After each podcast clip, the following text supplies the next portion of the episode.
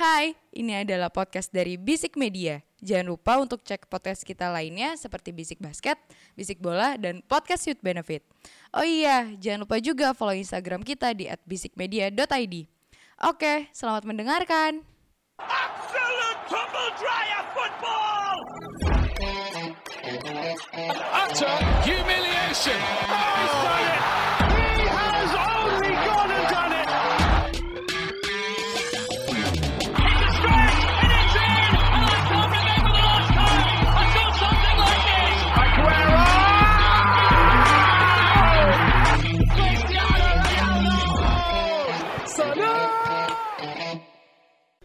Bisik bola.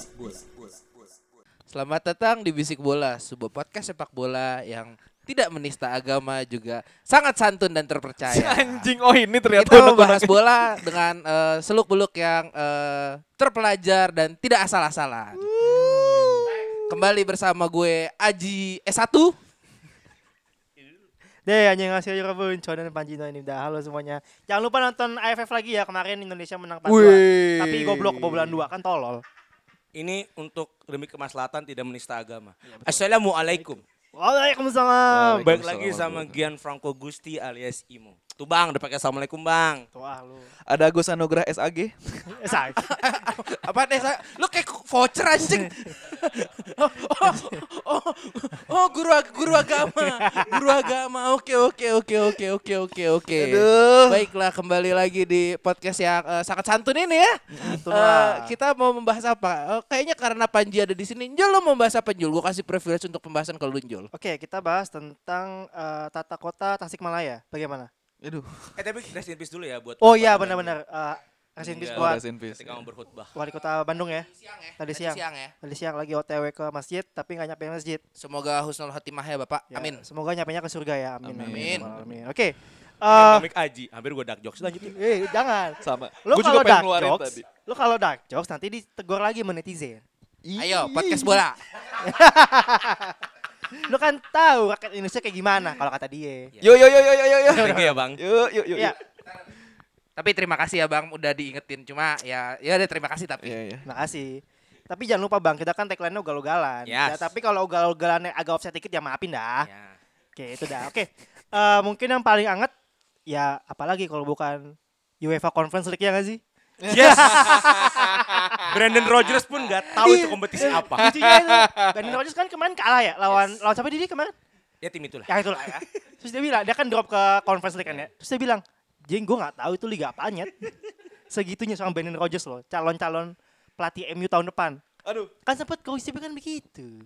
Hei, hei, hei. Udah udah baru nih dirteknya. Ten Hag nih tahun gua depan. Ya nggak Gus? Amin. Kobul. Gue gak mau mimpi babun terjadi. Mimpi yang akan terjadi.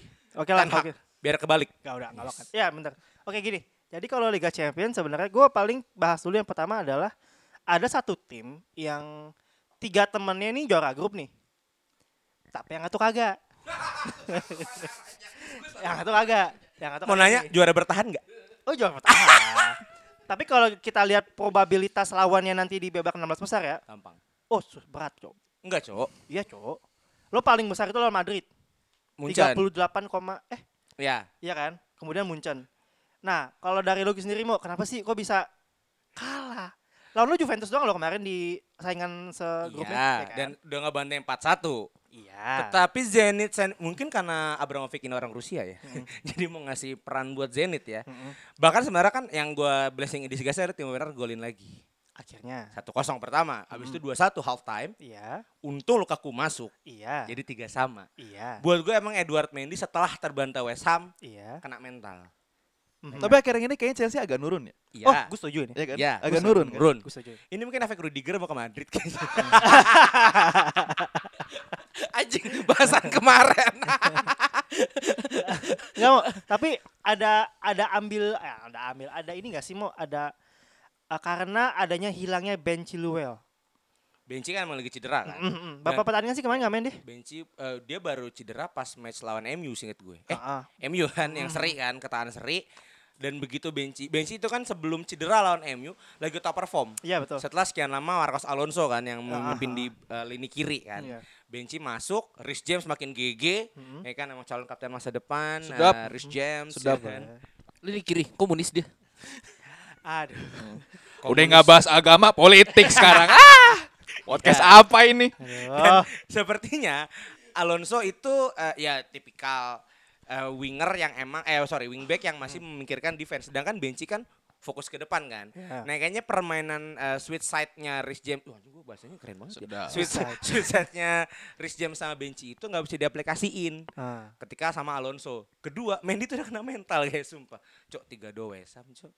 Orang kena mental apa itu? David Moyes mengalahkan kandidat juara Liga Inggris dengan 3-2 ya. Buat gua Edward Mendy cukup kena mental Hmm. dan Lukaku kan juga baru balik. Gue lebih seneng mainnya ya. Gak usah pakai Lukaku, gak usah pakai Werner, udah Havertz aja. Hmm. Jadi false nine. Itu buat gue lebih bagus sih. Coba gimana Ji? Tapi eh, dengan kembalinya Lukaku ini daya gedor lu otomatis kembali dong, Mo. Se-. Seenggaknya lu bisa jadi tiga sama itu berkat siapa? Saya sepakat. Cuman yang yang saya kemarin Lukaku emang punya fire po- em, eh, fire power yang cukup bagus. Tapi gue lebih ngeliat rapih sebenarnya lini depan itu ketika Werner masih main. Hmm. Werner nggak egois. Lukaku kan juga egois ya. Ya 100 juta. Masa lu nggak mau ngasih bola ke gua? Anda lagi mengalami kan kesan Ronaldo itu kan, ya kan? Ya, dan akhirnya emang ternyata Chelsea butuh goal getter gitu loh. Tapi main Lukaku itu tidak mengaktifkan dua wingernya. Sedangkan kalau Havertz kan false nine. Anda pernah merasakan Panji ketika Firmino main, salamannya sangat GG. Betul. Tapi ketika Jota main agak turun. Tetap ya kan? tetap GG. Ya, Kamu tidak lihat itu cara top score kayak gimana? betul. Bahkan ada selalu 4 gol teratas kan. Iya. Ya, itu semua karena salamannya udah baikan. Calon juara. ayo. Ah, diselamatin Origi anjing. Kan kalau kata supporter kita kan no no eh football without Origi is nothing, Bro. Football. Tapi ntar abis ini cedera gitu ya. Kalau menurut lo gimana, Bang? Ini apa nih? Chelsea berarti Chelsea, ya? kita masih di Chelsea. Ah, tapi gue setuju sih sama lu mau yang waktu di beberapa episode yang kemarin triggernya kayak pas lawan Watford deh yang cuma menang tipis 2-1. Ya itu tiga malah situ ya. Iya, Menurunnya ya. ya. agak menurunnya Ya. tuh di situ kalau menurut gue sebelum-sebelumnya kan eh, udah mulai udah mulai bagus lah gitu loh. Cuman pas setelah Watford dan setelah setelahnya itu agak nurun gitu. Apa karena ada faktor ini ya apa namanya? Rangnick masuk. Aduh guru gue nih. gitu ya. Apa hubungannya? Lalu kayak Kena ujian skripsi. tuh. Lagi ujian skripsi ada pembina lo di situ tuh ya kan. Agak takut gitu loh. Enggak enggak maksud gue apa karena ini ya apa namanya? eh masih agak terlalu kurang apa ya istilahnya ya? eh, kurang padu gitu loh untuk si Chelsea ini di era Tuchel. Menurut gue juga cukup padu bang. Cuman blessing in disguise-nya ketika gue lagi di mana? Pakai blessing in disguise kayaknya ya. ketika dua striker ini cedera Chelsea itu kan punya oversupply di wing di winger. Ya you name it. Ziyech kalau Mucon Odoi lah tiba-tiba. Ya emang dulu cakep ya. Hmm. Ya. jadi kemuncen. Pulisic tiba-tiba bagus. Kayak Havertz juga kadang-kadang taruh kanan. Oke siapa lagi tadi? Ya kan? Nah winger-winger ini kan punya oversupply. Dan ketika Havertz main Havertz ini bisa mengorbankan egonya gitu loh buat ngasih ke winger tapi ketika ditaruh Lukaku winger ini kan berubah visionnya. Dari yang harusnya nyetak gol inside forward kalau kata football manager ya. Jadi advance playmaker gitu loh. Anjay ya kan? Gila, gila, gila. Eh, apa bagus ya kan? Jadi buat gue inilah tantangannya tuh kalau tapi sebenarnya kemarin pas lawan Zenit eh, buat penyerangan nggak nggak terlalu berubah. Tapi di backnya yang lagi bermasalah. Sedangkan kan gue pernah jaya kan dengan back. Ya masih kan Rudiger sampai di Madrid itu kan another problem ya. Nah buat gue ini ini yang gue harapkan adalah ya Tuchel punya PR di back sih minimal Thiago Silva mainin lagi lah oh, Thiago bagus-bagus Thiago Silva itu sepertinya masalahnya sepertinya Rudiger udah nggak punya lagi kepemimpinan di belakang yang buat acak-acakan Chelsea di belakang itu sih bang menurut gue Tapi set aside dari hasilnya si Chelsea kemarin ya di Liga Champion, ada beberapa pertandingan terakhir yang kita ada bilang tadi Bang Bang Agus bilang menurun. Nah, mel- melihat ke depannya nih, udah lo turun ke peringkat tiga ya kan? Lo masih Bangsat. peringkat tiga kan? Gimana? Lo masih optimis gak? satunya lu ya Satunya City. City, Liverpool. City, City, City Liverpool, Chelsea. Ya, Jangan bahas yang satu lagi ya. Ke depannya, lagi naik Oh, lagi naik ya boleh. ke depannya gimana ngeliat? Nanti saya akan tanya itu. Oke, oke, oke. kalau buat gue eh Tuchel gue takutnya adalah kita punya momok yang sama di Januari Hmm. Afcon Ya, of course. ya kan saya lupa saya, pemain andalan saya Afrika lagi satu itu kan buat gue untuk eh, hasil melawan Zenit kemarin despite of kita main di Moskow kita main di Saint Petersburg salju juga mungkin kedinginan mungkin kemarin eh, Timo Werner kesurupan Andik ya kan nggak kuat dingin gitu kan. Mungkin ya. Aduh. Tapi sepertinya akan rebuild lagi sih. Sepertinya Tuchel akan coba mainin Aspi lagi di tengah berbarengan dengan Christensen atau dengan Thiago Silva. Sepertinya Aspi itu emang dan mungkin kembali ke taktik 3 back. Hmm. Kan kemarin sempat 2 back kan. Kembali ke 3 back lagi gitu loh. Dan Kante sepertinya akan dikurangi buat main ke depan. Sepertinya ya. Hmm. Karena buat lini depan Chelsea udah oke lah. Tapi backnya ini lagi bermasalah nih. Hmm. Itu sih buat gue. Gue nambahin dikit buat Imo buat eh, masalah kiper lo ya. Ini eh, kalau mengutip kata-kata Imo beberapa menit yang lalu, ini blazing in this guys sepertinya. Karena iya, menjelang Piala Afrika, mengistirahatkan Mendy, memainkan Kepa. Ini ibaratnya manasin Kepa lah kalau kita eh, minjem terminologinya motor. Jadi di saat nanti lo udah di Januari si Afcon ini bergulir, lo tuh nggak pusing manasin Kepa lagi. Jadi minimal sampai ya Februari lah Kepa ya bisa. Semoga tidak kebobolan ya harapannya ya. Karena kan eh, tentu abis Afcon Mendy mau minum kubim dulu mungkin misalnya kan sehari dua hari baru oh iya umroh astagfirullah itu bisa kan jadi jadi sebuah apa ya eh, safety measure Chelsea biar dia nggak kehilangan poin di Januari. Apalagi kita tahu kan Chelsea lolos ke knockout eh, Inggris lagi gila-gilanya di bulan ini eh, apa jadwal walaupun tidak ada match gede ya di Boxing Day ya Ya. tahun ini. Tapi seenggaknya lu harus bisa mengamankan poin-poin krusial di kru- apa? Bah, krusial di Januari gitu loh. Itu kalau dari gue mau gimana mau dicocokkan dulu mau Eh, cocok loginya sih Chelsea akan juara ya. Karena kan gue lupa itu ada cocok logi intinya di musim kemarin itu gue start di peringkat tiga. Eh sorry di finish di peringkat tiga. Itu seperti 2013. Gua Enggak dong. tiga. Cocok logi yang cocok untuk musim ini. Yes. Kan musim lalu la- eh, Chelsea mencat legenda, masuk pelatih Jerman, juara UCL kan. Sekarang MU habis mencat legenda, masuk pelatih Jerman. Ya, you know what I mean lah. musrik nggak boleh gitu, nggak boleh gitu nggak boleh gitu ada cocokologi cocokologian nggak. Cocok logi dikit lagi. Lu terseok-seok kan di grup kan? Ya. Sama ke Chelsea kemarin. Iya. bah, emang MU terseok-seok musim ini? Hei, saya kalah lawan yang boys ya di pembukaan. Tapi juara grup loh. Eh, bad beda satu poin anjing, apa yang dibanggain? Karena yang penting juara grup. Karena yang penting pelatihnya baru. Eh, Itu Juara lah. grup ya. Iya, Jerman. Hmm. mau bahas apa lagi, Jul? Oke. Eh, Mungkin menyambung dari bahasan kita minggu lalu ya, ada kepurukannya tim Italia. Si yang nomor satunya Serie A kan bontot nih, Inter. AC, Wase ya. AC Milan, ditai-taiin sama Takumi Minamino. Wih, gila, gila, gila. Oh mau bahas ke situ masuk Oh iya, enggak. Oh, bagus bridgingnya. Aside dari Liverpool Tahu dia ya. 18 poin. Liverpool di Champion 18 poin, Everton di Liga Inggris 18 poin. Udah kelihatan kan? Everton lebih bagus. ya. Everton, iya benar sih. Oke. Dengan pelatihnya Rafael Benitez keren dong. Oh iya, itu kan Everton. agentnya agentnya Liverpool itu. Dibikin jelek, ya Liverpool naik gitu. Nah, menarik adalah seperti ini. Tim nomor satu di Serie A ya. Gue gak tahu sih kalau sekarang Inter apa. Tahu gue masih AC Milan deh. AC. AC. Masih AC Milan kan. AC Milan yang seperti tadi bilang hampir full squad melawan tim Liverpool yang hanya tiga pemain inti yang main kemarin. Ya masa seorang Tonaldi tai-tain sama Alex Oxlade-Chamberlain ya kakinya kaca. itu yang keserimpet itu bukan sih depan gawang. Ya. heeh. Aku tahu tuh gue lihat replaynya. Jadi kita bisa lihat tim nomor satunya aja ditai-taiin sama tim lapis duanya Liverpool. Yang menarik adalah Juventus yang Tapi tim nomor tujuhnya juara grup. nah itu dia. Karena lawannya emang ya, ya gimana ya? Juara bertahan. Jawab jawab bertahan bener gue enggak. Holding champion of UCL Iya, 2021. holder, holder ya Yes. defending champion kan. Nah, menurut teman-teman Kenapa sih sekarang Serie A di Liga Champion aja udah susah banget berbicara banyak gitu. Kembali ke Juventus, kembali ke Juventus, kembali ke Juventus. Tapi menariknya seperti ini. Tahun lalu Inter baru masuk ke Liga Champion juga terpuruk, tapi di musim keduanya baru masuk di musim keduanya masuk udah mulai bisa survive. Ya. Ya, bisa lolos lah Dengan setidaknya. kondisi dia pretelin ya. Iya, betul. Nah, kalau menurut kalian gimana? Mm-mm. Masuk dikit ya. Gue suka sama statement Pioli. Yang bandingkan dengan debut Liverpool 2013. Oke. Anda pun terseok-seok pada Oh, awalnya kan. Nah, Pioli bilang emang 2014, sorry. Ya, se- secara klub AC Milan ini nggak cocok skuadnya ya, Mm. belum cocok untuk main di level Eropa. Mm. Bahkan Pioli nggak expect dia masuk ke UCL dan bangsatnya satu grup dengan TM dan Liverpool. Ya Foto. kan? Itu. Oh iya ada Porto ya. Grup Yang- neraka yang- kan? Yang lolos Porto ya? Ada yang ATM Atleti- Atleti Liverpool. Eropa. Milan main di ka- ini ya Liga Subuh aja ya. Iya, enggak. Atau mau dibeli ah, PS Pati mungkin ya kan. Ah, Nah, dong. buat gue Pioli ini untuk mengantarkan Milan ke UCL aja dengan tidak memalukan karena ada kemenangan Atletico Madrid. Buat gue itu udah oke. Mungkin startnya nggak terlalu bagus gitu loh, nggak terlalu siap ya kan. Mungkin Lord Ibra udah terlalu capek, mungkin Giroud masih menganggap dirinya sebagai juara UCL ya kan. Ya kan?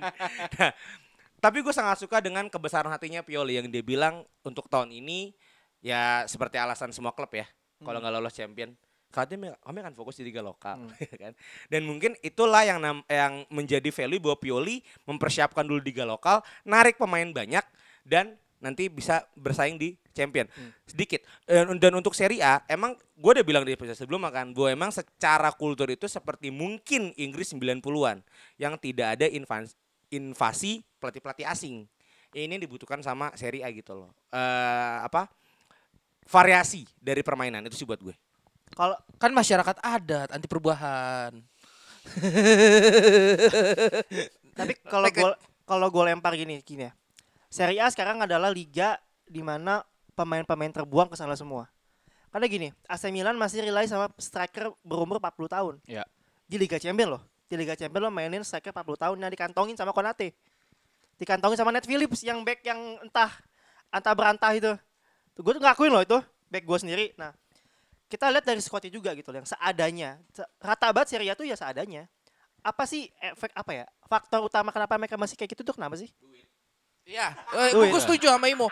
Salah satunya adalah duit ketika liga lu udah nggak menarik, udah jadi ibaratnya MLS quote and quote di Eropa. Ya udah, lu lu tidak akan punya pemasukan apa lagi. Kemarin kehantem Covid, mungkin kalau kemarin gak ada Covid bisa lain ceritanya. Itu mungkin ya, mungkin. Tapi melihat keadaan saat ini ya nasi sudah terlanjur menjadi bubur, ya udah lu fokusin ngebangun liga lu lagi sih sebenarnya menurut gue. Lu udah nggak bisa nggak bisa ngapa-ngapain. Ter- eh, kecuali lu lu lu melakukan pembinaan, lu rubah tuh mindset eh, liga Italia lu, lu rubah tuh mindset defensive eh, football lu yang usang itu dan lu reform mungkin ya bisa jadi kayak liga Belanda lah seenggaknya. Ya balik lagi eh, kayak udah di eh, pembahasan di episode sebelumnya sih, lebih ke apa ya permajaan dal- dalam artian regenerasi Kuantas gitu. Bima lu permajaan. Aduh, bukan bukan permajaan bis dong. Makanya jadi orang miskin Ji. Iya, Masih aduh. bis kota. Temennya Metro Mini kalau lu nggak tahu Oh, kok pajak? Warna kuning ya? warna kuning ya warna kuning. Oh, gak tahu gue. Eh, lima kosong lima kosong sembilan sama lima sepuluh Eh, kampung rambutan Lebak Bulus. Wow. Sebuah informasi yang sangat gue butuh akhir-akhir ini. itu sih ya kalau dibandingin kemarin kan kita ngebandingin Serie A sama Bundesliga gitu. Bundesliga gimana pada saat di 2006 Jerman uh, gagal juara di rumahnya sendiri, mereka langsung rata semua uh, dari segi infrastruktur, dari segi uh, pembinaan uh, pemain muda gitu loh. Italia nggak ngelakuin gitu loh. Bahkan dengan dia sempet jatuh dalam artian kena kasus Calciopoli-nya beberapa tim yang sampai ke seri B nggak melakukan perubahan gitu loh. Dan juga dari segi fansnya juga masih fans-fans jadul-jadul gitu loh. Karena ya itu yang mungkin sempat kita pernah bahas juga sebelum-sebelumnya ya, karena pasarnya Italia itu belum siap untuk ke kancah Asia gitu loh. Betul. itu itu mungkin akan mempengaruhi dari segi eh, fans dari eh, Serie A itu sendiri yang ngaruhin ke duit. Ya efek dominonya banyak lah kalau untuk Serie A gitu. Kalau yang gue lihat juga kan Italia kehantam sama masalah uang. Tim terkayanya aja itu berhutang dan Ya. membutuhkan European Super League kan buat dia bisa Ya. bertahan di kancah Eropa. sekarang bermasalah juga apalagi kan Iya kan, bentar lagi udah mau diturin seri B katanya, karena ada pemalsuan Ya, ada. financial report kan. Nah, sekarang eh, orang bilang bahwa uang bukan masalah karena Barcelona let's say lah bisa menarik beberapa pemain-pemain besar. Tapi sekarang brandingnya klub Italia itu ya ya seperti klub Liga Malaysia aja kali ya, ya kan? Hmm. Karena kalau klub satu lagi negara tangga kan lebih jatuh lagi. Tapi Liga Malaysia lebih bagus lah ya. Nah, sekarang siapa yang mau main for free? Pemain yang let's say lah ta- bertalenta wonderkid yang mau main buat Liga Italia dibayar murah dan mungkin fame-nya nggak terlalu bagus. Atau terakhir deh, kecuali Lukaku ya, kecuali Lukaku ya. Siapa tra- mega transfer dari Liga Italia ke liga lain? Italia ke lain Itali Cuma ke lain. rumah sama Lukaku, oh ya iya kan? Iya sih. Sisanya tidak ada. Tidak ada. Bandingnya sama Bundesliga, Mhm. banyak banget. Jadon Sanko yang akhirnya terbuang di saya, Havertz sama Werner ya kan. Banyak supply dari eh, Bundesliga ke liga besar. Itu kan mempengaruhi mental wonderkid gitu loh. Hmm. atau pemain berbakat gue main dulu liga ini kayak Halan kan? Itu tata Tatika Rayola kan ditaruh Hmm. Dortmund untuk dijual kembali lebih mahal. Sekarang dari Itali Chiesa terbuang cuma-cuma Beradesi cuma-cuma. Makanya tolong Chelsea beli Alessandro Bastoni. Selamatkan karir dia. Eh bek Inter Milan. Bek Inter, 22 tahun ya kan? Kami butuh Bastoni. Itu sih buat gue. Berarti kalau gue bilang gini, berarti sudah saatnya fans Serie A itu digambar dengan kenyataan bahwasanya Liga lo tuh tempe sekarang ya gak sih? Ya kan mereka udah tua, udah susah mikirin begituan lah kalau menurut gue. Ah, dua dua enam, dua enam. Hmm. Bentar lagi dua tujuh. Tapi kalau uh, opinion pribadi gue ya, sebenarnya blundernya Serie A itu memang dia kan gede di tahun 90-an ya. Ya. Tapi di late 90 sama di early 2000 yang salah mereka adalah dia nggak ke kancah Asia tadi bener. Hmm. Gak kayak Premier Liga Premier Inggris. Inggris tuh langsung terjun ke Asia. Awal-awal tahun 2000 ke, ke, ke Tiongkok, ke Jepang segala macam itu kan emang pasarnya di sana. Apalagi Tiongkok yang bisa kita bilang konsumerisasinya gede banget men. Gede banget men. NBA aja itu pasar utamanya Tiongkok. Seperti itu. Mungkin kalau Serie A diudahin kali ya?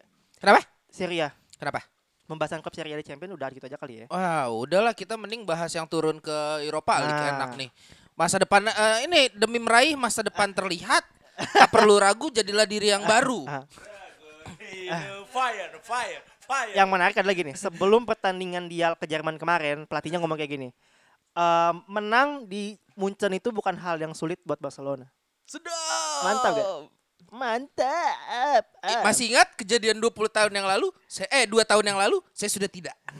Apa? Yang? Semifinal. Oh. Oh. Yang dikalahin sama pemainnya sendiri itu yang dipinjemin itu ya? Ya. Ya itu ya. Oke. ya kita bahas gajah di dalam ruangan ya. FC Barcelona. Elephant in the room. Elephant in the room. Ah, patahkan kaki ya. Biar semangat ah. Break leg. Ah, elephant in the room tuh masalah gede yang lagi Ya. kita perlu omongin. enggak, anjing itu enggak. kebiasaan umum. Enggak, enggak. Enggak, enggak. It- jadi Jadi follow lambe tura guys goblok. Saya yang bikin konten ya. Akhirnya setelah terakhir tahun sejak tahun 2001 eh Barcelona tidak lolos ke babak 16 besar Liga Champion. faktanya ada pemain muda namanya Nico Ya. Nico lahir itulah saat terakhir Barcelona di Europa League. Nico ini emang agak sial ya. Begitu profesional, Europa League lagi. Niko Pakos, Jos. Eh, gelandang muda Barcelona digadang-gadang akan menjadi pengganti Xavi. Bukannya Gavi ya? Gavi ya ininya Busquetsnya. Eh Oke. terbalik Gavi itu Xavi, Ah. Busquetsnya itu Nico. Lanjut. Oke, tapi kita udah tahu lah ini udah kelihatan dari 2 3 tahun ke belakang Ini, ini, ini masalah dragging banget Iya, anjing udah, asli. ini udah domino Dan effect. dan apa gongnya tuh di sini. Hmm, bener-bener golnya di sini. Ya sekelas Memphis Depay, sekelas Frankie De Jong nggak akan main di Liga Champion. Menurut lo semua nih udah dia nggak punya utang, banyak banyak apa ya, banyak masalah dan akhirnya main di Liga Majomat yang bisa dibilang duitnya nggak akan sebanyak Liga Champion gitu. Hmm. Apalagi reputasi klub seperti Barcelona yang akhirnya nanti akan melawan tim-tim kayak apa ya, tim-tim gajah Shakhtar Donetsk lah, Rangers lah segala macam. Ada Dortmund, iya ada, Dortmund. Dortmund. ada Dortmund Dortmund. juga goblok jatuh. Asal nggak satu bagan seru. Iya, tapi di Eropa ada ini ada si siapa yang ju- Sevilla ya? Sevilla turun lagi ya? Sevilla Enggak, lolos, lolos. Lolos, lolos, lolos, Oh, alhamdulillah. Nah, menurut teman-teman gimana nih? Oh, itu yang nggak lolos di grup gue tuh Atalanta yang turun ke Oh, Eropa. Atalanta ya. Ya, Atalanta. Di atas kertas harusnya Barcelona bisa menang, harusnya. Harusnya. Kalau lawan ntar di misalnya ya kalau nggak satu bagan ya di finalnya ketemu Dortmund? eh, Dortmund sih, gue megang Dortmund sih. Oh jelas, ada hal halan soalnya di situ. Iya sama si siapa? Anjing ini nama pemain gue lupa mulu anjing. Ada Jude Bellingham. Nah, Jude Bellingham. Nah, Oh, Itu da- itu. dari tadi gue sebelum tag nih, gue ngobrol sama Imo, gue lupa mulu tuh nama Jude Bellingham anjing. yang kemarin Eh, ya kan, Europa bener kan, bener kan? Oh. Villarreal ding, sorry. Villarreal yang lolos. Yang lolos, sorry, Ah. sorry. Masih dibahas karena yang juara kan Sevilla. Ya itu dia. itu dia. Itu dia. Anjing. Dia lagi iya aja, sih, anjing. 8 kali dong. Nah. Mungkin pembahasan Barcelona ini udah banget udah apa ya? Udah udah lelah lah kita bahas Barcelona ini. Penyakitnya ada-ada aja. Mungkin ini bisa dibilang kayak apa ya? Lo turun dulu deh. Lo lihat dulu kenyataannya seperti apa gitu karena kalau menurut kalian ini bagus gak sih sebenarnya buat posisi Xavi ya untuk belajar dulu nih meramu mumpung mumpung mainnya di Europa League nih yang lawannya nggak segede-gede Liga Champion gitu. Mungkin saya duluan ya. Sebagai pemegang dua trofi Europa League. Oh, harus ada gitunya ya? Iya, 2013 dan 2020. Iya, oke. ya kan? Oke. Sebagai Oke. pemegang trofi dua trofi Europa League di sekumpulan kita belum pernah juara Europa League kan? Gue tiga sih. Udah tiga. dong. Oh iya, Anda belum pernah kan? Gua Udah tiga. dong. Gue tiga. Oh tapi jangan masa lalu ya. Kok saya jadi nggak bangga, saya jadi dikit ya kan. Buat gue setuju bahwa eh, dengan masuk Europa League adalah pembuktian Xavi sebenarnya. Ya mungkin level Barcelona sekarang belum di UCL. Tapi kalau sampai terisi di Europa League itulah tantangan Xavi. Kedua buat gue Europa League itu at- atmosfer yang atmosfer yang bagus untuk pengembangan pemain muda. Gue tidak akan pernah melupakan kalau Muson Odoi ketika di 2013 itu main di Europa League dan akhirnya teruji. Di situlah nama Odoi naik. Ya kan? Tahun kemarin kayak Havertz itu ketika masuk ke Chelsea memang pas di UCL. Tapi gue melihat dia di Leverkusen, Leverkusen. itu juga terasa di Europa League. Barca sekarang lagi surplus dengan pemain-pemain muda. Dan buat gue Europa League ini ajang yang cukup baik untuk menguji kualitas dari pemain muda tersebut. Tapi kalau saya Barca nggak juara, udah saatnya Barca cari pelatih baru. Waduh, Coach Teko mungkin. aduh. Ya intinya cari pelatih Jerman ya kayaknya bagus ya. Betul, betul. Oh, oh ya, oke. Eh, Barcelona ke Europa League ya. Ah, gimana ya? Ini gara-gara lu sih Ji tadi di awal Ji. Gak fokus kan Kamu dia. sensi sama Barca sih Mas Agus. ya harus ngerasain kayak yang MU rasain lah. MU pernah ada di fase yang kayak gini juga. eh udah setelah jaya-jayanya terus tiba-tiba harus rontok dalam waktu yang lumayan singkat dan harus kecebur di UEL. Menurut gua harusnya sih ini jadi turning pointnya Xavi dan kawan-kawan untuk bisa aduh gue nggak tahu tuh masuk kerekam apa enggak. Enggak, enggak, enggak, enggak. enggak. Tapi kayaknya sih kerekam. Masuknya, Ya anjing udah biarin banget. aja udah. makin ngeblank gue bangsat Sampai MU MU rontoknya cepet. Ya, ya sekarang kan eh apalagi pelatih baru, pemain-pemain masih muda. Bener kata Panji sih ini ini jadi ajang pembuktiannya Xavi untuk bisa eh, ngemoles eh, Barcelona ini biar lebih baik lagi. Seenggaknya kan gue pernah bilang beberapa di episode berikutnya, eh, episode berikutnya kan, episode sebelumnya gitu. Eh Barca ini mungkin bisa dibilang du, satu sampai tiga tahun ini udah lah nggak usah mikirin juara, benerin benerin eh, kondisi skuadnya dulu ya, kondisi skuad, kondisi keuangan sampai bener-bener pulih lagi gitu loh. Dan UEL ini ya walaupun duitnya nggak banyak sebanyak UCL, tapi ya tetap prestis lah, karena kan masih ada yang di bawahnya lagi Conference League. Oh itu yang timnya gue tahu cuma eh, Arsenal, Tottenham, AS Roma, sama Leicester. Ya. Udah itu doang. Aduh. Nggak, tapi kalau gue boleh menambahkan, eh, tadi Imo sempat bilang eh, Barca tuh masih bisa eh, menggait pemain besar walaupun eh, apa ya kondisinya sedang carut marut. Cuma itu kan kita ngobrol beberapa bulan ke belakang dan itu masih ada Messi di sana. Mungkin itu bisa jadi salah satu daya tarik. Sekarang di saat Barca udah eh, ibaratnya quote and quote gak punya apa-apa, lu menang, menang Europa League, seenggaknya lu bisa menghidupkan harapan. Ah, Tottenham gak lolos. Ya udah sih juga. nggak penting, nggak penting, nggak penting, nggak penting, nggak penting, nggak penting. Gue juga jadi konten gue males. Tadi gue sampai mana? Oh iya, menarik pemain-pemain muda nih dari menang Europa League. Eh seenggaknya lu tuh punya apa ya? Punya amunisi baru nanti di tahun depan di saat eh, pemain batch pertama lu udah ngerasain main di Eropa kayak gimana walaupun kasta 2 mereka udah mulai membangun mental, udah bisa ibaratnya let's say lah taruh kejar-kejaran untuk posisi 2 atau posisi 3 di La Liga ya. Kita jangan ngomong posisi satu dulu. Itu agak susah kalau ngerebut dari eh, dua Madrid sekarang ya. Dengan skuad yang lumayan lengkap dan Madrid udah Real Madrid tuh udah ngebangun skuadnya duluan ya. Betul, betul. Ini tuh jadi jadi modal yang bagus buat Safi dan eh, tadi gue mengutip kata-kata Imo sebelum tag. Ya Safi kan juga datang sebagai salah satu quote and quote eh, cara untuk meredam kemarahan fans Hmm.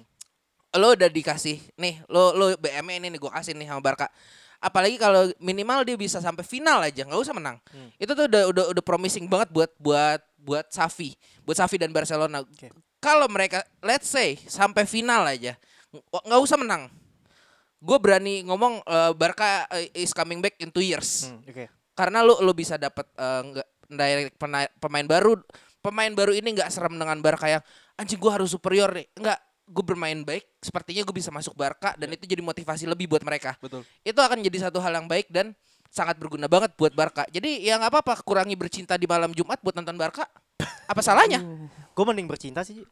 Iya sih Iya sih kan? gue juga nggak pernah nonton MU waktu di WL Tapi gini guys, eh Ya, enakan bercinta lah sampai pulang kan minggu ini. gue kan pulang mau istirahat ceritanya. Betul. Iya benar kan. Nah tapi gini, gue kasih emosi emosi emosi liar lah ya. Gue gue menganggap kalau misalnya Liga Malam Jumat ini adalah bisa dibilang sebuah pedang yang apa ya ujungnya dua pedang ujungnya Bermata dua. Badang bermata dua. Karena gini, kalau kita ngomong ngomongin tentang scheduling ya, scheduling eh, Liga Champion, eh Liga Champion, Europa League sama Liga, yang seharusnya kan emang Barcelona fokusnya kan kalau nggak tiga empat, Hmm. kembali ke Liga Champion. Tapi masalahnya seperti ini, di saat lo main ke Europa League, jumlah pertandingan lo kalau lo sampai final itu bakal lebih dari 52 pertandingan. Ya. Hmm. Sedangkan challenge lo adalah untuk stay di 3-4 di Liga. Lo bayangin lo main di Liga malam Jumat, lo Sabtu udah main lagi. Minggu udah main lagi. Kemudian Europa League itu 32 besar lo men. Ya. Gak dari 16 besar. Nah, menurut kalian nih, apakah Safi harusnya itu fokus ke Liga aja atau melemparkan handuk putihnya di Liga Eropa? Jangan lupa juara Europa League dapat backdoor tiket. Oh langsung iya. ke UCL. Mm-mm. Mungkin itulah taktika Safi karena dia tidak percaya diri masuk ke zona kualifikasi. Iya juga ya. Aku juara paling aja lah. Iya juga ya. kan? Cuma Dortmund doang mungkin. Tapi menurut gue ya buat gue Barca eh, di, eh, di di liganya sendiri udah nggak challenging. Apalagi kan Aguero ya gue nggak tahu transfer Januari once again ya. Apakah Barca akan beli lagi pemain gratis atau tidak? Tapi gue eh, percaya mungkin Xavi akan fokus di Europa League. Eh, beside of dia fokus Barcelona. di Liga. Ya Barcelona. Xavi ya maksudnya Xavi. Xavi di Barcelona akan fokus ke Europa League untuk demi zona UCL. Karena singkat gue itu Laporta mentargetkan lu nggak usah juara, tapi lu harus qualify ke Liga Champion. Dan buat gue ini jalan quote and quote terbaik. Terbaik untuk masuk ke Liga Champion daripada bersaing di liga. Ya gue juga setuju sih karena ya benar kata Imo tadi ya mendingan lu main di WL sampai kelar karena lu eh, juaranya bisa langsung lolos eh, UCL gitu loh. Sekarang kalau ngeliat dari posisi klasemen sementara aja Barca masih peringkat 7 sama pemim, eh, sama Real Madrid aja bedanya udah 16 poin gitu, satu ke 7. Untuk ke zona Liga Champions aja itu bedanya 6 poin dengan ATM masih nyimpen satu pertandingan. Udah susah banget kalau menurut gua dengan materi pemain Barca yang segitu segitu doang gitu loh. Mendingan lu fokus di WL untuk ya lu fokus untuk bisa at least menang terus di WL aja menurut gua udah udah bagus gitu walaupun lu di liga berantakan udah susah sekarang kalau ngejar di La Liga tuh ya Madrid, Sevilla, Betis sama ATM tuh udah susah banget menurut gua. Oke. Ada lagi nggak Jul? Mau Oke. bahas apa lagi nih? Kalau buat Barcelona kayaknya udah dicukupkan dulu kali ya. Ya Nah, udah, ya udah nikmati sajalah takdir seperti apa adanya ya. Tapi gue bingung betul. dah waktu kemarin beberapa hari atau beberapa minggu yang lalu ya Barca kan bilangnya nggak ada duit mulu, cuma ngincer Ferran Torres kemarin. Gagal bukan ya? 50 nggak jadi sih kayaknya. Nggak jadi ya? jadi. Ah Cuman sulit cuy. Sulit. Mau jual banyakan stadion lu. Doang anjing. Paling installment akhirnya. Oke, Iya. balik ke Installment anjing. balik ke Liga Ah, pinjaman lunak. balik ke Liga. Champions ya sebenarnya gini untuk tim-tim yang lolos ke babak 16, 16 besar sebenarnya untuk tim-tim besarnya udah ter apa ya udah kelihatan lah dari awal siapa aja yang bakal lolos kan nah yang serunya adalah gini ada beberapa tim yang bisa dibilang eh, akan punya potensi untuk menjadi kejutan di tahun ini kan banyak lah ya Cinderella Oke. story lah ya ada Monaco waktu tahun 2000 Empat. lupa berapa 2004 2004. Abu- Enggak tapi Oh, Monaco sempat terakhir. 2004 Oh, final sorry. sih ah. kemudian ada Ya, Porto yang Atalanta juga. seangkatan. Mm-mm, Atalanta Malaga juga sempat maju jauh. ya. Ah, nah, tahun ini kan ada beberapa tim yang bisa dibilang nggak sering-sering banget nih lolos nih ya kan. Ada Sporting Lisbon, Oke. ada Benfica. Benfica, ada Salzburg. Villa, ada Villarreal. Villarreal. Menarik nih, ada Villa, ada Lille. Lille, Salzburg malah yang Salzburg Leipzig juga. yang nggak masuk tuh. Ah, betul tuh. Yang kemarin habis mecat pelatihnya tuh Jesse Marsch kan dipa- Iya. di- dipecat sama si uh, RB Leipzig. Nah, dari tim-tim ini menurut kalian yang punya potensi untuk mengejutkan tuh di mana, men? Tapi nggak jangan jangan Ajax ya. MU. Eh, goblok. Enggak enggak. Kalau buat gue uh, Cinderella story akan terjadi di Salzburg. Oke. Satu, gue ngelihat pas dia dia kan menang lawan Sevilla ya 1-0. Ya. Itu selebrasinya kayak juara champion anjing. Ya kan segitu uh, bahagianya. Melihat dua komposisi Salzburg, walaupun gue tau ujungnya akan ini kan Salzburg kan ibarat kata Darul Darul Leipzig kan, sekolahnya Leipzig kan. Iya. Oke. Lo kan otomatis transfer ke Leipzig kan. Oke. Seperti itu. Cuman buat gue eh, Salzburg bisa me- menjual cerita itu minimal sampai ke abis tuh apa sih? Quarter final ya? Apa dari mana? Dari 16 besar Iya, ke iya, quarter quarter final. final. Sepertinya akan quarter final. Walaupun dia statusnya sebagai runner up group ya. Iya. Tapi buat gua kan ada gebrakan baru di Salzburg sih. Ya, semoga sih ketemu sama MU ya. Hmm. Biar Ranik main mata, Ranik ngalah akhirnya Salzburg yang lolos. Tapi kalau kita ngomongin Salzburg ya, Ya. potensi lawannya adalah Real Madrid, Manchester United, Liverpool, Juve, City, Munchen sama Ajax. Bisa, bisa. Lawan MU bisa sih kayaknya. Ya, eh, ah, Rangnick kan pasti main mata. Ah, ini klub yang ngebasarin gue. Ah. Rangnick kan. Ah, Kayak gitu. Kalau dari Bang Agus gimana? Gue juga setuju Salzburg sih, soalnya pelatih Jerman. Ya. By the way, pelatih Jerman di di fase knockout ini eh, banyak loh, lima kalau nggak salah. Coba. Ironisnya tapi tim Bundesliga cuma Munchen doang. Oh iya. Iya, Munchen doang. Iya. Leipzig nggak lolos, Wolfsburg nggak lolos. Yes. Ya ini kebangkitan pelatih pelatihnya Jerman sih. Pelatihnya. Sih, Pelatihnya, bukan Yes. klubnya. Ketika era 2017 pun Italia juga lagi naik pelatihnya. Betul. Tidak dengan klub Italinya. Betul. Iya, betul. Nah, kenapa Salzburg kalau menurut gua eh ini apa ya? Secara gua nggak tahu ya kalau yang udah depannya Red Bull tuh kayak udah apa sih istilahnya propaganda lah ibaratnya nih. Bentar lagi. RBM kan. Oh ya, Red Bull Manchester. Ada setan sama sama ada banteng ya. Goblok. Gives you wings. Lanjut lanjut. Cuman ya apa namanya kalau menurut gua karena kalau yang tadi di beberapa tim yang disebutin Panji menurut gua kayaknya nggak terlalu challenging banget sih. Menurut gua Salzburg yang bakal challenging karena dari fase grup pun secara kapasitas timnya pun sebenarnya merata ya. Apalagi eh, ada Sevilla gitu. Cuman malah malah Sevillanya yang ke Europa League gitu. Bisa Salzburg bisa bisa ngelangkain Sevilla. Kalau menurut gue sih ini Salzburg bisa jadi kejutan lah kalau menurut gua. Ya paling nggak nggak sampai semifinal final sih. Cuman ya sampai di delapan besar itu menurut gue udah bagus banget sih. Halo Ji, gimana Ji? Eh, apakah Villarreal masih masuk dalam hitungan Cinderella story? Boleh lah. Soalnya kalau kalau kita ngelihat ya apa ya? Yang pelatihnya oke, terus kuatnya juga sudah terbukti. Gua akan akan lebih megang Villarreal sih untuk Cinderella story dari eh grup eh grup sorry klub-klub yang Oh. quote and quote jarang ada di Liga Champions ini. Karena ya meskipun sakit saya harus mengakui bahwa Villarreal tuh jago, apalagi Jago. final kemarin. Iyalah. Dengan Mister eh, Unai. Unai Emery League-nya itu kemarin ternyata bisa menang. Eh, abis itu lu tuh kayak nih ada tiga level nih. Level satu nih yang ibaratnya ya klub-klub langganan Champions. Hmm. Level 3 itu yang kita ngomong tadi. Nah ini ada sendirian nih, nih si Villarreal nih di level 2 ini. Ini nih yang agak-agak tricky nih dan bisa jadi sebuah apa ya. Kejutan atau keju- entah kejutan, entah ancaman tergantung perspektif lu gimana. Tapi eh, menurut gue Villarreal akan melangkah anjing. mau lu masuk angin ya mau ya? Masuk abri. Wah, keren masuk iklan bagus nih, masuk angin mau minum mau angin. Gitu. Yuk ikannya masuk yuk. Enggak, iya, iya, yang bisa mengacak-acak tatanan yang sudah tetap. Oh, anjing tatanan. Oposisi Tatan- lu. tata- tatanan ini ya ya menurut gua yang paling kuat dan paling mumpuni dari yang si klub-klub yang jarang ini ya Villarreal sih menurut gue. Realistically speaking, cuma kalau kita ngomong eh, Salzburg juga ya ini kejutan lah dia selalu ada di bayang-bayangnya Leipzig. Tiba-tiba Leipzignya turun, Salzburgnya naik. Apa kata dunia lah ibaratnya kayak gitu. Ya, ya mungkin itu itu itu dua lah yang gue nambahin cuma Villarreal aja sih kalau buat si kejutannya. Tim kita udah bahas, kan kita bahas pemainnya. Ada kejutan bahwasanya di musim ini sampai babak ini ya, eh penyisihan grup ya. Top skornya adalah Sebastian Haller dari Ajax 10 gol. Nah, menurut kalian walaupun memang grupnya grup grupnya grup santai sih kalau menurut gue tuh Ajax grup santai mereka menang terus kok 18 poin juga sampai ke Liverpool gitu kan. Nah, iyalah.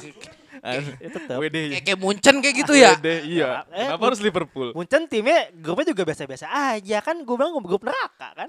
Anjay. Senggol dong United dong kemarin tahun lalu. Oke, Sebastian Haller nah. Menurut kalian gimana? Sepak terjangnya dia apakah one off aja? Apakah punya potensi untuk menjadi bintang sekejap kayak James Rodriguez? Nah, menurut kalian gimana? Wah, kalau gue sih ya pastinya ini ntar jadi ini hot commodity ini Hmm. ntar di summer nih. Gue nggak tahu nih Ajaxnya bisa sampai sejauh mana tapi cuma kalau Ajax jauh banget nih dia eh, akan akan jadi hot commodity dan sebenarnya kita nggak bisa ngejudge dia akan jadi one season wonder atau enggak eh, ketika dia masih di Ajax. Kita harus ngeliat dulu nih dia pindah ke mana nih. Lu lu nyetel nggak nih nanti permainan di tim baru lu? Karena kalau menurut gue lu- kalau kita ngomong dari sekarang kayak one season wonder atau enggak ya ter- kita terlalu kejam lah menghakimi dia. eh mungkin ada baiknya eh mungkin eh, dia bisa stabil dulu deh di ngebawa si Ajax dulu nih. Itu sih kalau kalau menurut gue. Gue masuk ya. Gue tidak akan pernah melupakan duetnya Jovic dengan eh Egi Melgiansyah? goblok Haller. Ya. Jovic dengan Haller di ya, Frankfurt tahun 2020. Oke. Karena gue menghadapi di quarter final dan kesulitan. Hmm. Dua pasangan ini itu pada akhirnya meninggalkan klub. Yang satu ke Real Madrid dan jadi cadangan mati, Luka Jovic. Yang satu ke West Ham.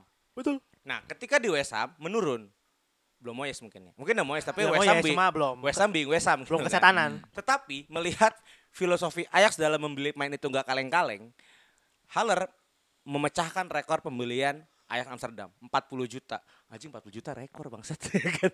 Ya, sekelas Ajax. Iya ya kan. Nggak mungkin seorang Ten Hag dan Sporting Director Ajax membeli Haller hanya untuk kepentingan brand image aja. Nggak kayak tim Anda dan Juventus. Kalaupun kepentingan Kalaupun kepentingan brand image ya Haller. Iya kan. Seperti ya pasti ada alasan dong di Oh, iya. itu ya kan. Buat gue yang gue takutin adalah bukan seperti si Washington Wonder seperti James Rodriguez. Tapi gue seperti Ben Arfa. Ben Arfa Ah. itu dijahit sama Nice, dibeli lagi sama PSG dan jelek. Hmm. 2018 Ben Arfa itu di Ben Arfa pernah jaya kan. Hmm. Turun, dibeli sama Nice, dijahit, dibagusin lagi, masuk ke PSG jelek. Nah ini yang gue takutin adalah mental dari seorang Haller. Emang kayak cocoknya di liga-liga santai, ya nggak tekanan.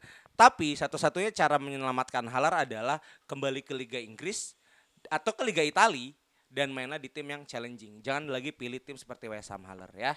Chelsea tapi nggak butuh kamu Haller. Terima kasih. Tapi menurut gua Haller kayaknya bakal nyaman sih di Ajax. Ya dia satu di Ajax jadi Iyalah andalan. di Amsterdam legal, pelacuran legal, ini nyaman. Enggak gitu dong. Oh, Red- kayak siap. Kenapa jadi ke Red District? Nggak nyamannya dalam artian ya dia udah pasti jadi pilihan utama untuk untuk jadi striker gitu ya. Dia di di liga pun udah 9 gol dari 14 match. Ya di di Champions apalagi kemarin sih dia golin banyak karena kebantu Quadrick sih waktu lawan siapa ya gue lupa tuh. Lawan Besiktas kalau nggak salah dia kebantu Quadrick gitu. Cuman kalau untuk sampai dia jadi eh, sosok yang menakutkan di Champions League nanti kalau menurut gue enggak sih. Maksudnya nggak se nggak sebrilian Halan atau ya apalagi sampai nyentuh eh, Lewandowski gitu kalau menurut gua enggak sih kayaknya ya kalau dari apa ya dia kan eh, apa pimpinan eh, peringkat satu kan di grup dan ya peringkat duanya lumayan berat-berat ada ada PSG ada ada udah ini belum sih pot-pot gitu belum ya Udah. oh udah ya Pot satu kan yang buat tim yang peringkat satu. Mm-mm. Pot duanya tim yang runner up Ajax pot satu. Pot satu kan Hmm. ya dan di peringkat duanya pun juga sebenarnya ada beberapa yang lumayan berat yang bisa menyulitkan Ajax buat bisa survive di Champions League ya ada ada Inter ada PSG ada Atletico Madrid gitu kalau menurut gua kayaknya enggak sa oh iya ada Cuma Chelsea. tiga tuh. sorry ada Chelsea oh iya iya soalnya, soalnya MU di peringkat satu.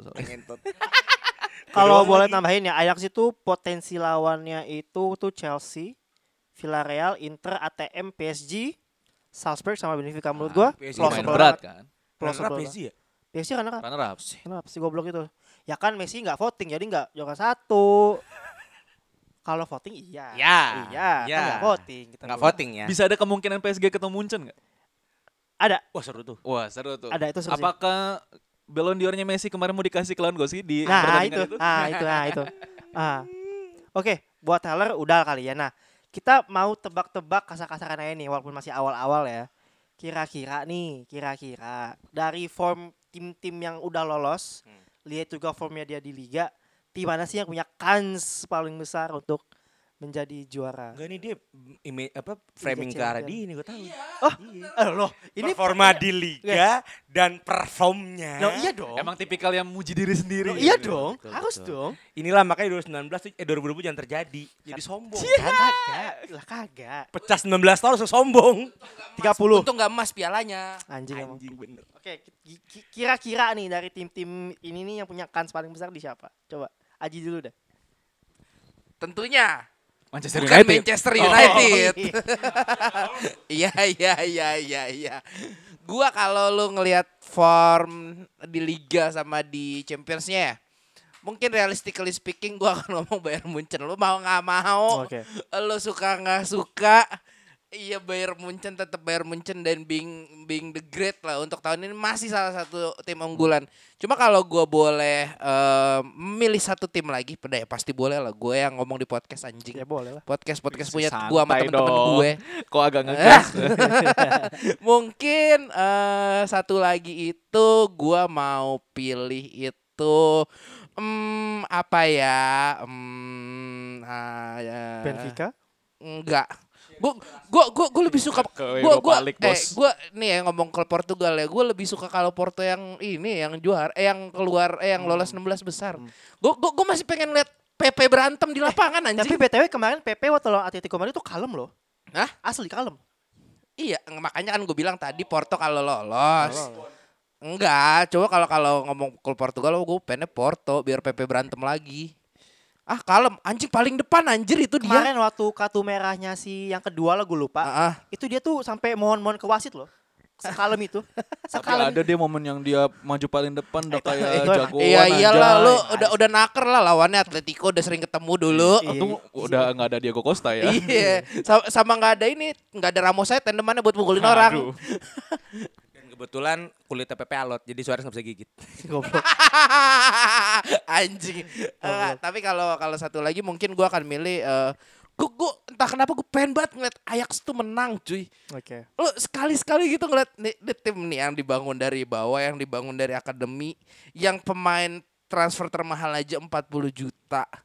Under appreciate. Mm-mm. Gue tuh mau di, ya walaupun di Eredivisie ini ya eh menguasai, cuma dia sekali-kali menang gitu di di saat gue udah mulai aware bola tuh dia menang gitu kan. Kemarin hampir menang cuma si bangsat Nyaris. itu Gara-gara Lucas Moura tai. Itu. iya super sapi itu. Tiga gol ya di waktu itu ya? Tiga gol. Iya, tiga gol. itu itu gue sedih tuh di situ. Ya mungkin ya realistically speaking Munchen sama Ajax mungkin. Oke. itu kalau Kalau- dari gue. Dari Mas Gusti? Chelsea lah. Saya selalu percaya apa yang dimulai dari bawah itu So ganteng anjing. akan menempatkan pada posisi terbaik. Iya betul. Kalau ngomongin Chelsea pasti pede. Gue pengen back to back, ya kan? Semoga tiga tahun back to back, biar nggak cuma lo yang punya badge of honor di Liga Inggris. Iya. Kan tiga kali berturut tuh bisa bisa dapat badge of honor kan? bisa. Cuman kalau secara jujur, ya pasti yang kasar tinggi buat gue adalah Bayern Munich. Hmm. Ya, tapi itu kedua ya, tetap pertama Chelsea tetap. Eh, siap. Kedua Bayern Munich gitu ya. Karena ini sudah sangat GG, ya kan? Bahkan eh, Jamal Musiala itu juga cukup gigit ya kan? Lewandowski bisa meninggal dengan tenang. Sorry meninggalkan. Ah, iya ya, dengan tenang. Karena ada sosok Jamal Musiala. Kedua ditinggal Alba Boateng nggak masalah Dayot dan Lucas Hernandez nampak ya dan Niklas Sule ya nampaknya ini udah punya kayak misalnya cukup bagus gitu loh Siap. ya jadi gue masih stand, stand di Bayern Munich Mohon. tapi kalau mengejutkan gue bukan Ajax Ci, Sporting Lisbon Ci. Mohon. Ah kenapa? kesurupan Bruno Fernandes semuanya langsung. Goblok. semua mau main perform buat masuk ke MU Waduh, waduh. Siap. Gimana? Kayaknya Bapak semua Agus? kita sepakat Bayern Munchen ya. Eh, siap. kecuali dia Eh, gue gak tahu ya. Ah, kan lu kasih jawaban gue. Gak, gak tahu kenapa Bayern Munchen tuh salah ah, bukan ya bisa dibilang salah satu tim yang perfect di semua lini lah. Bahkan tidak hanya dari segi pemain ya, ya dari segi pelatih, manajemen ya apa manajemen ya manajemen dan segala macamnya kalau menurut gue tuh udah yang paling perfect gitu loh. Dan di semua lini tuh menguasai gitu. Selamat datang Agus Piltak. Aduh. 4 episode ya. Iya, sekarang di liga udah udah segitunya banget. Dan di setiap lini punya pemain andalan ya, Dayot di belakang, Goretzka di tengah, di depan ada Lewandowski gitu loh.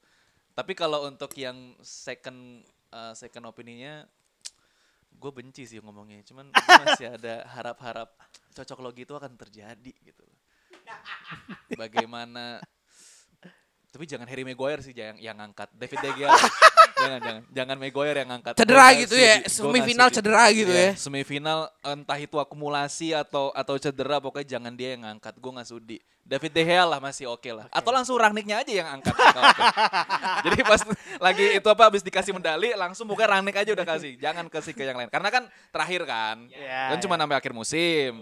Udah Rangnick aja yang ngangkat. Ya gua ada harapan ke situ sih. Jangan jangan sampai pokoknya jangan ada di bench bahkan pokoknya. Jangan jangan jangan. Nggak ada yang ngomongin City nih.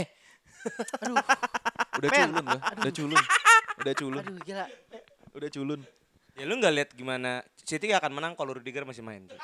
Intinya di situ aja Enggak, tapi lu perhatiin gak City pun juga sekarang emang rada nurun sih. Udah nggak yang sesuperior sebelum-sebelumnya yang menang sampai 5-0 tuh udah udah udah nggak segitunya kalau menurut gua.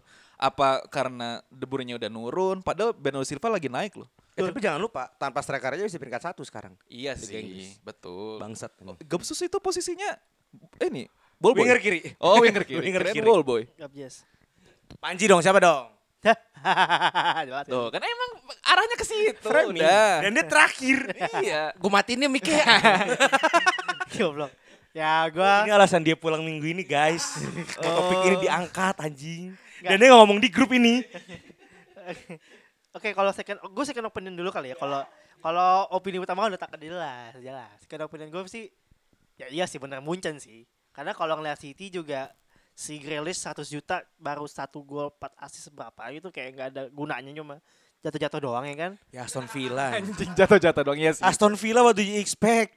Aston Villa Aduh, dia Gerrard lagi. Oh, Aston Villa bagus. Aston Villa bagus. Iya, ada. nggak jelek. Dia Gerrard, Cok. Menang ya kemarin deh, debut ya.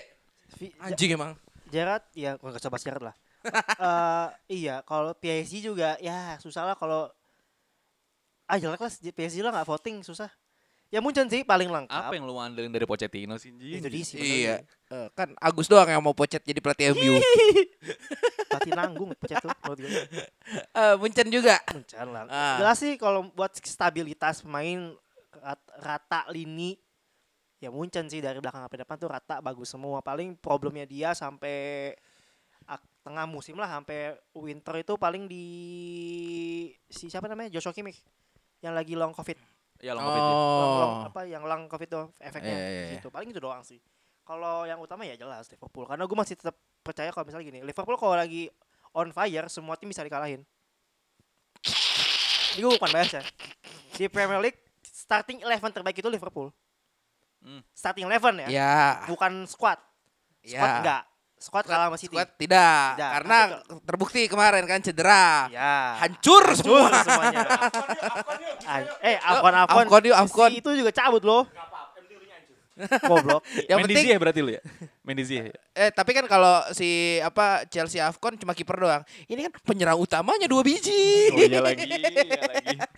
Patah kayak kakinya anjing udah gitu doang. Ya enggak dong. Satu lagi sebenarnya. Ada faktor X yang bikin Barca eh bikin Munchen menang. Cupu moting.